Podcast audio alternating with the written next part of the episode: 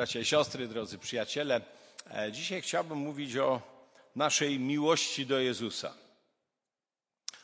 Ach, ktoś może powie, ileż ja już kazań słyszałem, czy coś można na ten temat jeszcze świeżego powiedzieć. Ale chciałbym, żebyśmy od razu na początku zadali sobie takie pytanie, jak silna jest moja osobista więź z Panem y, i z czego ona wyrasta. Co jest źródłem mojej relacji z Jezusem, mojej miłości do Jezusa i na ile ona jest gorąca, na ile jest silna. Tytuł dzisiejszego kazania to Miłość na glebie przebaczenia. Przeczytajmy siódmy rozdział Księgi e, Ewangelii Łukasza, siódmy rozdział i od 36 wersetu będę czytał do końca rozdziału. Jedna z najbardziej przejmujących scen, bardzo niezwykłych, pełnych mm, uczuć i emocji, które temu towarzyszą.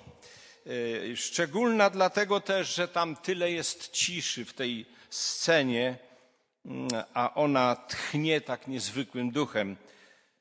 Będziemy się starali przenieść w klimat tego wydarzenia. Czytam Ewangelię Łukasza, rozdział 7 od 36 wersetu.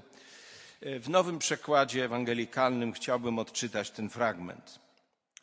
Pewnego razu któryś z faryzeuszów zaprosił Jezusa na wspólny posiłek. Jezus zatem wstąpił do jego domu i zajął miejsce przy stole. Była zaś w tym mieście pewna kobieta, która prowadziła grzeszne życie. Wiedząc, że Jezus siedzi przy stole w domu faryzeusza, przyniosła alabastrowy flakonik pachnącego olejku. Stanęła z tyłu u stóp Jezusa, rozpłakała się i swoimi włosami zaczęła ocierać łzy padające na jego stopy. Całowała je przy tym z czułością i namaszczała olejkiem. Na ten widok faryzeusz, który go zaprosił, pomyślał: Gdyby ten człowiek był prorokiem, zdawałby sobie sprawę, kim i jakiego rodzaju jest ta kobieta, która go dotyka, że to grzesznica. Wówczas Jezus odezwał się do niego: Szymonie, mam ci coś do powiedzenia. Ten zaś: Słucham, nauczycielu. Pewien pożyczkodawca miał dwóch dłużników. Jeden był mu winien pięćset denarów, a drugi tylko pięćdziesiąt. Ponieważ nie mieli z czego spłacić długu, obydwom go umorzył. Który więc z nich będzie kochał go bardziej? Szymon powiedział: Przypuszczam, że ten, któremu więcej umorzył. Trafnie oceniłeś, odpowiedział Jezus. Następnie zwrócił się w stronę kobiety i powiedział do Szymona: Widzisz tę kobietę? Wszedłem do Twojego domu, a Ty nie podałeś mi wody do nóg. Mona za to łzami oblała moje stopy i otarła swoimi włosami. Nie powitałeś mnie pocałunkiem, a ona od chwili mego przyjścia nie przestaje całować moich stóp. Najzwyklejszą oliwą nie namaściłeś mi głowy, ona zaś pachnącym olejkiem namaściła mi stopy. Dlatego posłuchaj. Mocno mnie pokochała, bo przebaczono jej wiele grzechów. Komu mało się przebacza, słabo kocha.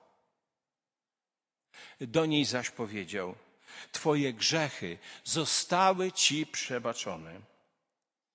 Wtedy ci, którzy wraz z nim byli przy stole, zaczęli się zastanawiać, kim on jest, że nawet grzechy przebacza. On tymczasem powiedział do kobiety: Twoja wiara cię ocaliła. Idź w pokoju.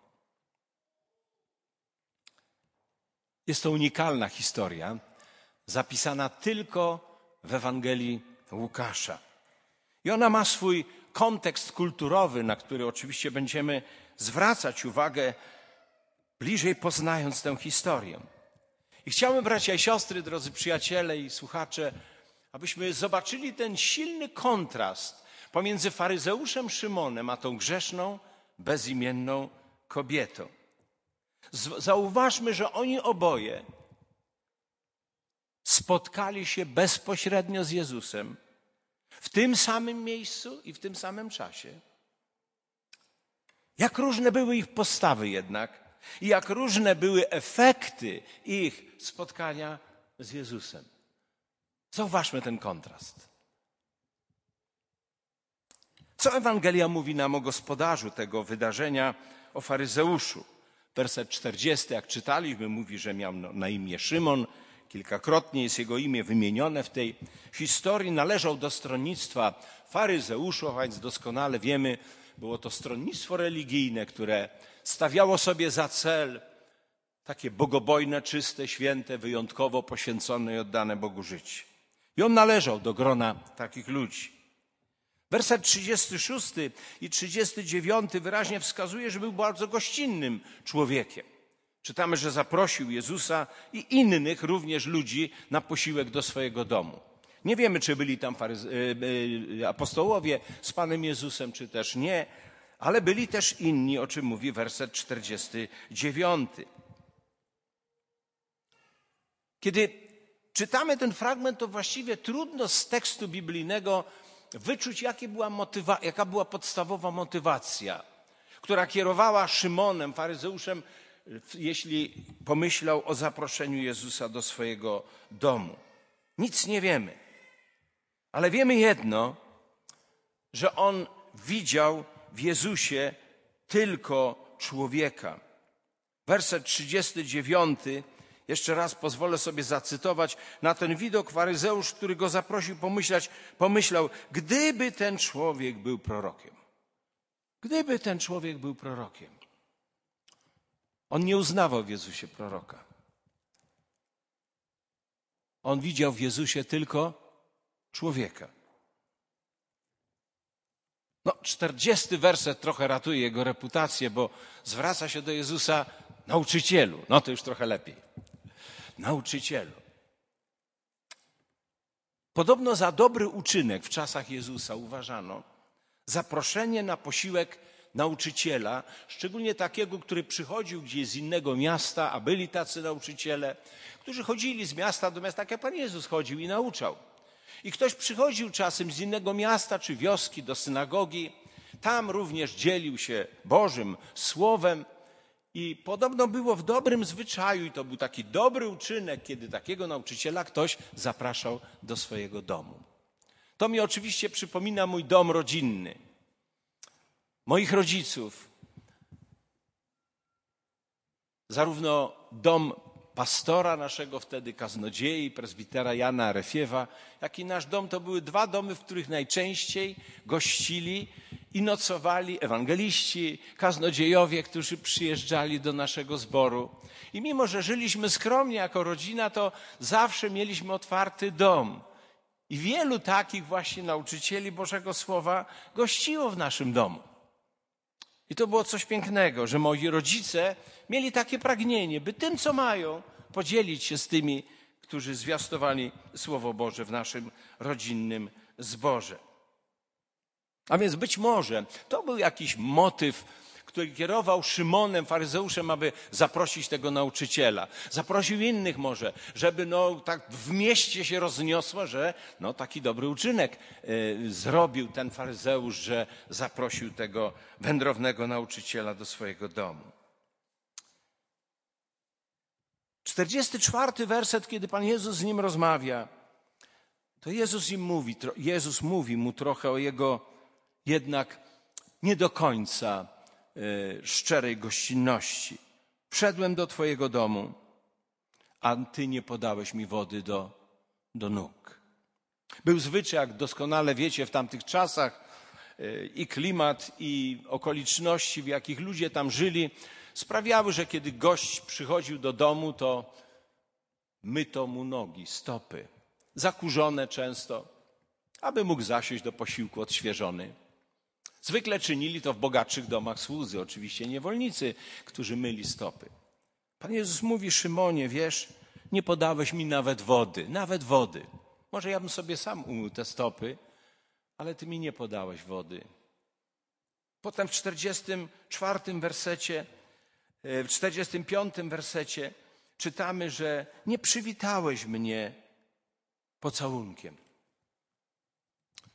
Był taki zwyczaj w tamtych czasach.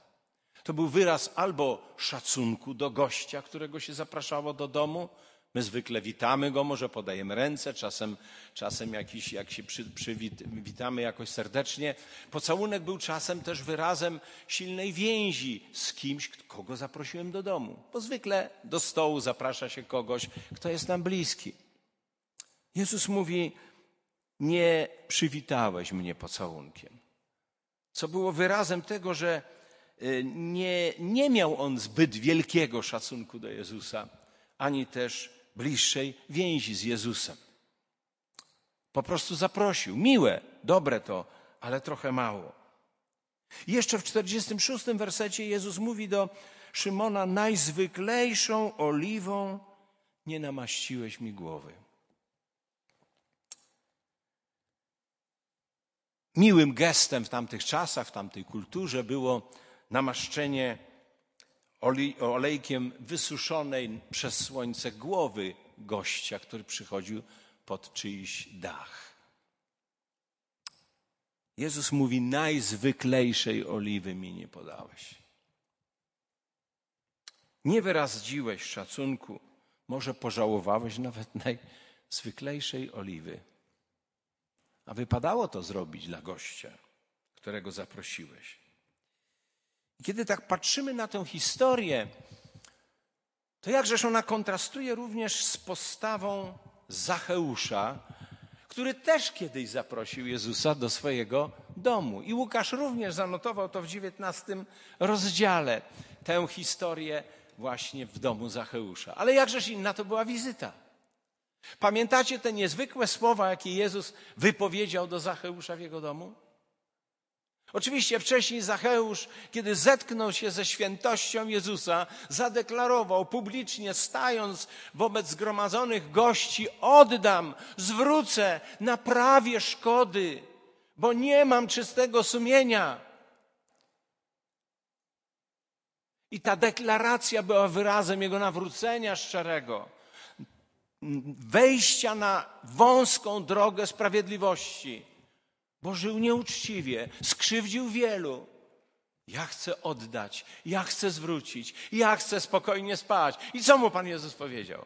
Jaki był efekt tej wizyty Jezusa w jego domu? Dziś zbawienie zawitało do domu Zacheusza. Stało się udziałem tego domu.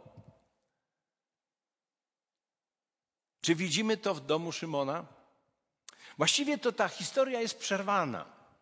I nie wiemy, jaki był ostateczny finał. Czy faryzeusz Szymon wziął sobie do serca tę historię i tę lekcję, czy też tej lekcji nie odrobił? Chciałbym go spotkać w niebie i cieszyć się i usłyszeć od niego. Przemyślałem to, co mi Jezus powiedział. Jednak nawróciłem się i oddam swoje serce Chrystusowi i odtąd czego jako Pana i Boga. Postawa Szymona, przynajmniej z tej relacji, się tutaj nie zmieniły. Ta wizyta być może, choć chcielibyśmy, żeby było inaczej, ta wizyta być może nic nie dała faryzeuszowi Szymonowi. Ale żeby zobaczyć ten kontrast pomiędzy nim a tą kobietą, spójrzmy na nią z kolei. Ona była pewnym intruzem, prawdopodobnie nieproszonym gościem, a w dwóch miejscach, w 37 wersecie i w wersecie 39 jest powiedziane o niej, że to była powszechnie znana jako grzeszna kobieta. Zwykle uważa się, że prawdopodobnie była prostytutką albo kobietą, która prowadziła tak grzeszne życie, że ono było powszechnie znane, cokolwiek czyniła. Nie miała dobrej reputacji w swoim środowisku. Ale ciekawa rzecz, w 37 wersecie jest taki detal. Tylko była zaś w tym mieście pewna kobieta, która wiedząc, że Jezus siedzi przy stole w domu faryzeusza, przyniosła alabastrowy flakonik pachnącego olejku i tam stanęła i zbliżyła się do Jezusa. Śledziła Jezusa, szła gdzieś za nim, potrzebowała, podążała za Jezusem, śledziła jego kroki, wśliznęła się na to przyjęcie. I moglibyśmy sobie zadać pytanie, jak to w ogóle było możliwe.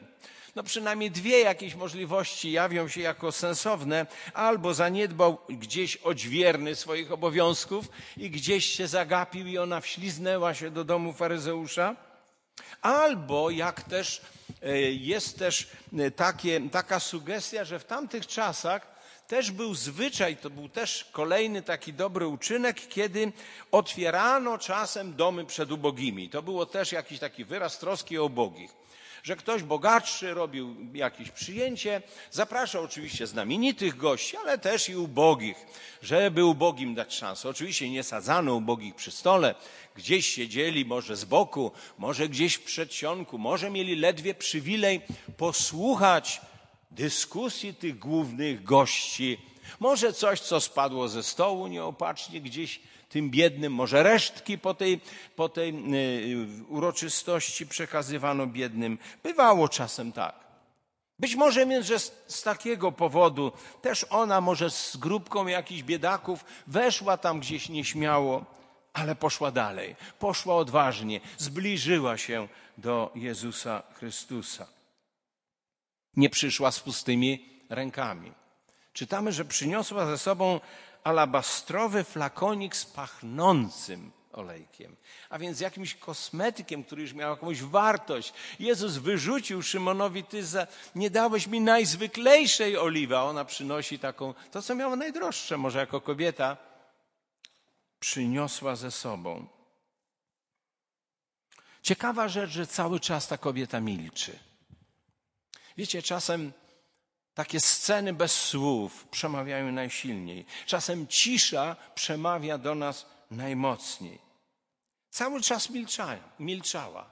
Chociaż jej zachowanie mogłoby wydawać się jako wyzywające, bardzo niestosowne, bardzo dziwne, bo przecież mm, no, mogłaby sprawiać wrażenie, jakby chciała uwieść Jezusa jako mężczyznę. Miała odkrytą głowę. W tamtych czasach y, kobiety zamężne, dobrze prowadzące się, miały zawsze przykryte głowy. Ona, widzimy, ma tu rozpuszczone włosy.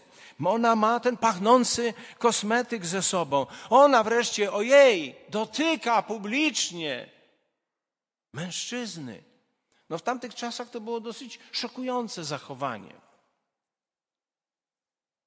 Dlaczego tak się zachowała? 38 werset jest tutaj niezwykle pełen emocji, bo czytamy, że ona stanęła z tyłu u stóp Jezusa, rozpłakała się. Rozpłakała się i swoimi włosami zaczęła ocierać łzy padające na jego stopy i całowała je przy tym z czułością i namaszczała olejkiem. Pamiętacie, jak w kazaniu na górze Jezus rozpoczął błogosławieństwa od powiedzenia błogosławieni ubodzy w duchu. W nowym przekładzie to jest szczęśliwi, świadomi swej duchowej nędzy.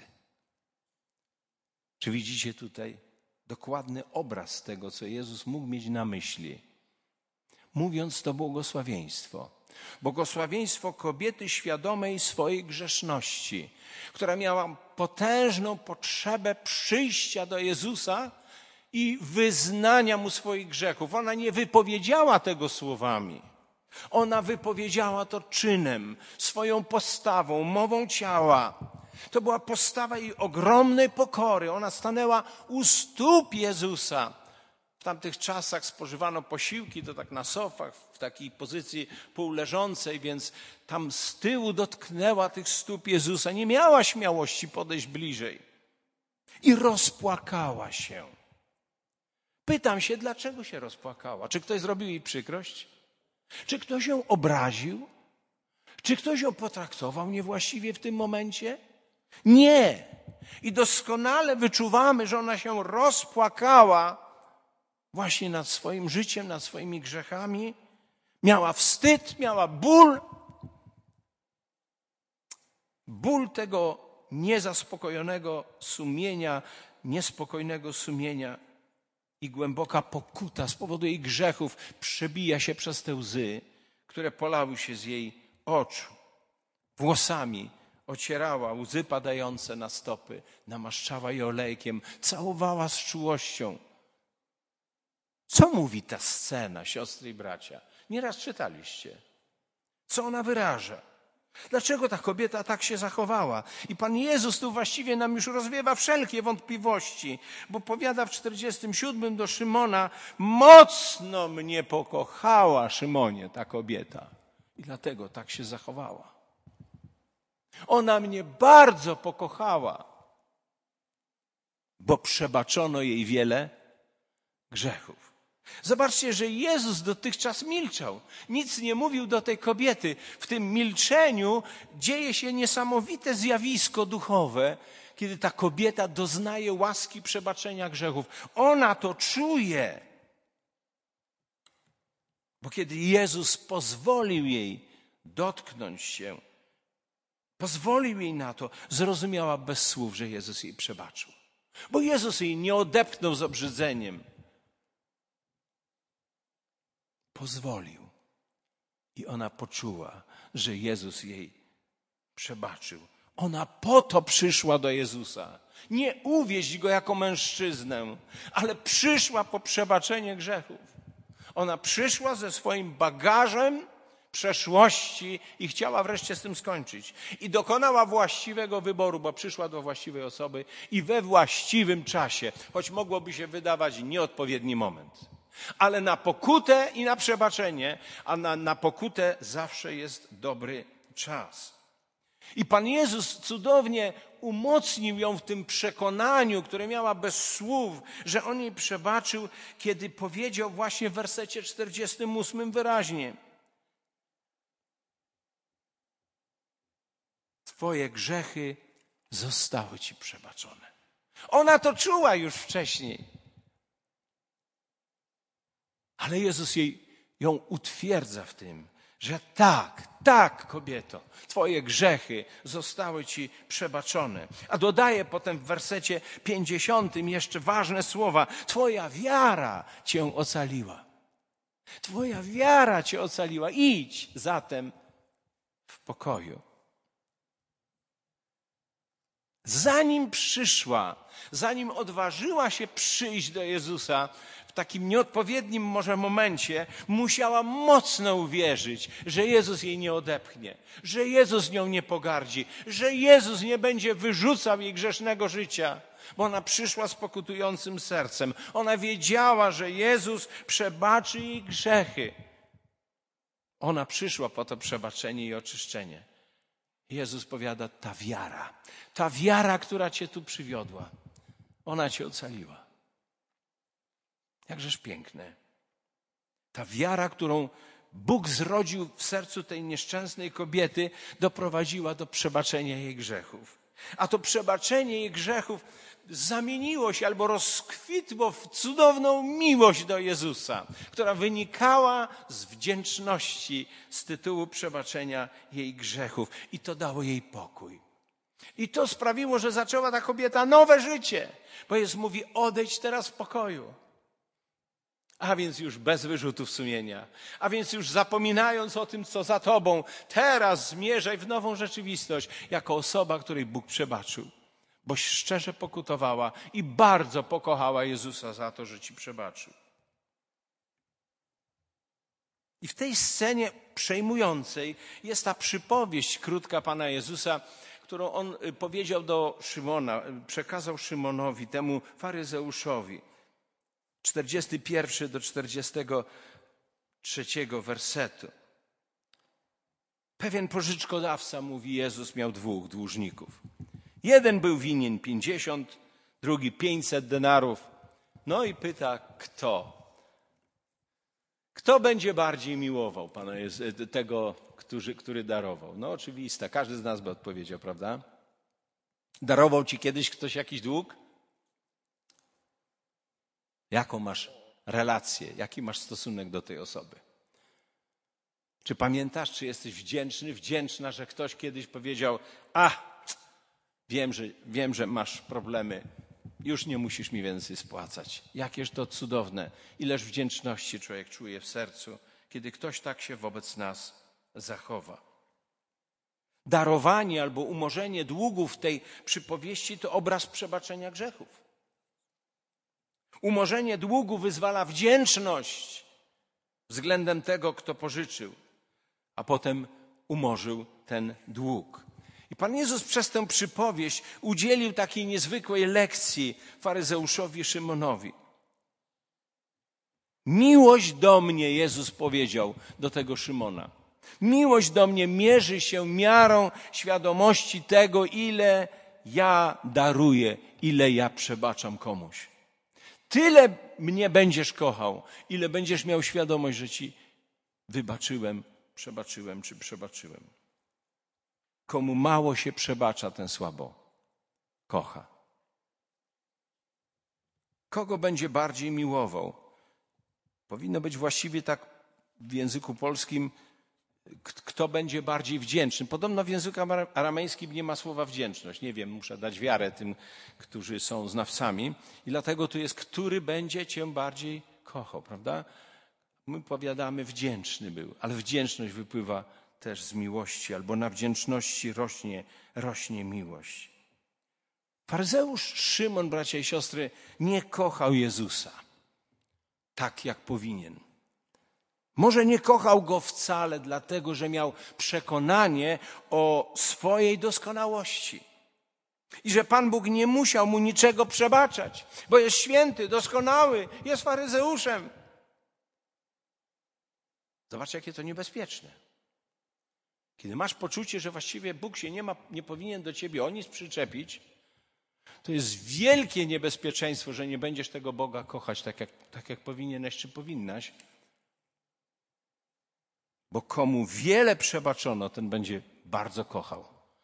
Kto będzie miał świadomość, jak wiele Bóg mu wybaczył, będzie Boga kochał z całego swojego serca. Widzimy więc, bracia i siostry, że sam kontakt z Jezusem niczego nie zmienia, jeśli człowiek nie przychodzi do Niego z pokornym, skruszonym sercem i poczuciem swojej grzeszności. Szymon, wydaje się, nie skorzystał z tego, mimo że Jezus był tak blisko, w jego domu. Prawdziwa Ewangelia musi najpierw skonfrontować człowieka z jego grzesznością, i to jest ta, ta zła wieść na początku, a potem doprowadzić do pokuty skutkującej Bożym przebaczeniem. A z tego przebaczenia wyrośnie miłość, wdzięczność człowieka do Boga, który mu przebaczył. My dzisiaj generalizując, często podajemy tę, tę Ewangelię jak taki słodki cukiereczek opakowany w piękny, w piękny, błyszczący i kolorowy papierek. A trzeba powiedzieć prawdę człowiekowi, że ty musisz pokutować. Ty musisz przyznać się do swoich grzechów. Inaczej nie pokochasz Boga, Pana Jezusa Chrystusa, jeśli nie doznasz łaski przebaczenia Twoich grzechów bo dopiero wtedy wzbudzi się w Twoim sercu wdzięczność i głęboka miłość do Boga i do Jezusa. Prawdziwa miłość do Niego wyrasta na glebie głębokiego przebaczenia i darowania win przez Zbawiciela. I dzisiaj taką ciekawą lekcję odkrywamy z tego fragmentu. Nie da się kochać Jezusa bez świadomości tego, jak wiele mi przebaczył, jak wiele mi darował. A więc miłość do Pana Jezusa nie jest tylko sentymentalnym uczuciem, że wzdychamy, że jesteśmy tacy troszkę bardziej dewocyjnie nastawieni do Jezusa niż, niż tak naprawdę Go kochamy. To jest szczera relacja z Nim.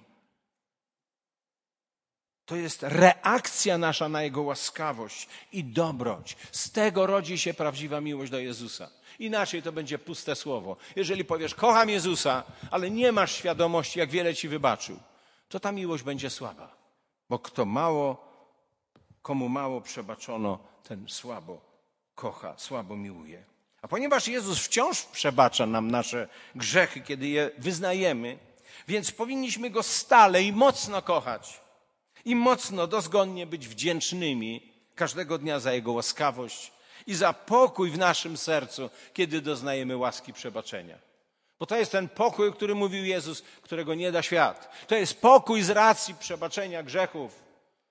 To jest pokój nieporównywalny z niczym innym. Kiedy mam poczucie, że Jezus mi przebaczył, że mam czyste serce i że mogę odejść jak ta kobieta sprzed oblicza Jezusa, ilekroć proszę Go o wybaczenie. Kończąc, chciałem Cię zapytać, przyjacielu, siostro, bracie, czy zdarzyło Ci się już kiedyś zapłakać w obecności Pana z powodu Twoich grzechów?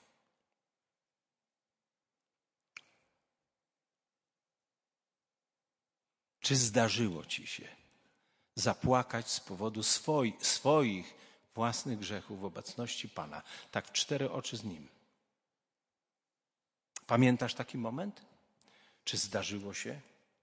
I co czułeś albo co czułaś wtedy po takim przeżyciu?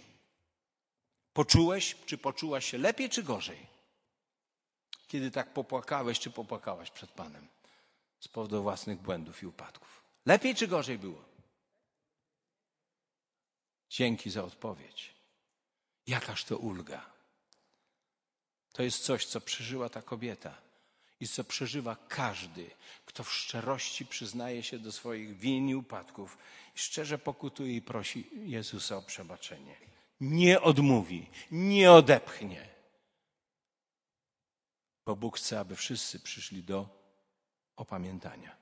Taki jest Boży zamiar. Czy teraz rozumiesz, siostro, bracie, przyjacielu, jak poważne konsekwencje może mieć faryzejskie poczucie własnej niewinności i doskonałości? W czym utwierdza często nas szatan. Tylu gorszych ode mnie. Właściwie nie mogę sobie niczego zarzucić. Zrozumieliśmy dzisiaj, jakie to niebezpieczne? Komu wiele przebaczono, ten mocno kocha. Jeśli masz poczucie, że Bóg nie ma ci powodu niczego przebaczać, może to spowodować, że ostygnie Twoja miłość do Boga. Czy przyjmujesz lekcję Pana Jezusa, że będziesz w stanie tyle kochać Jezusa, ile uświadomisz sobie, czy będziesz świadomy, że Ci wybaczył, czy darował?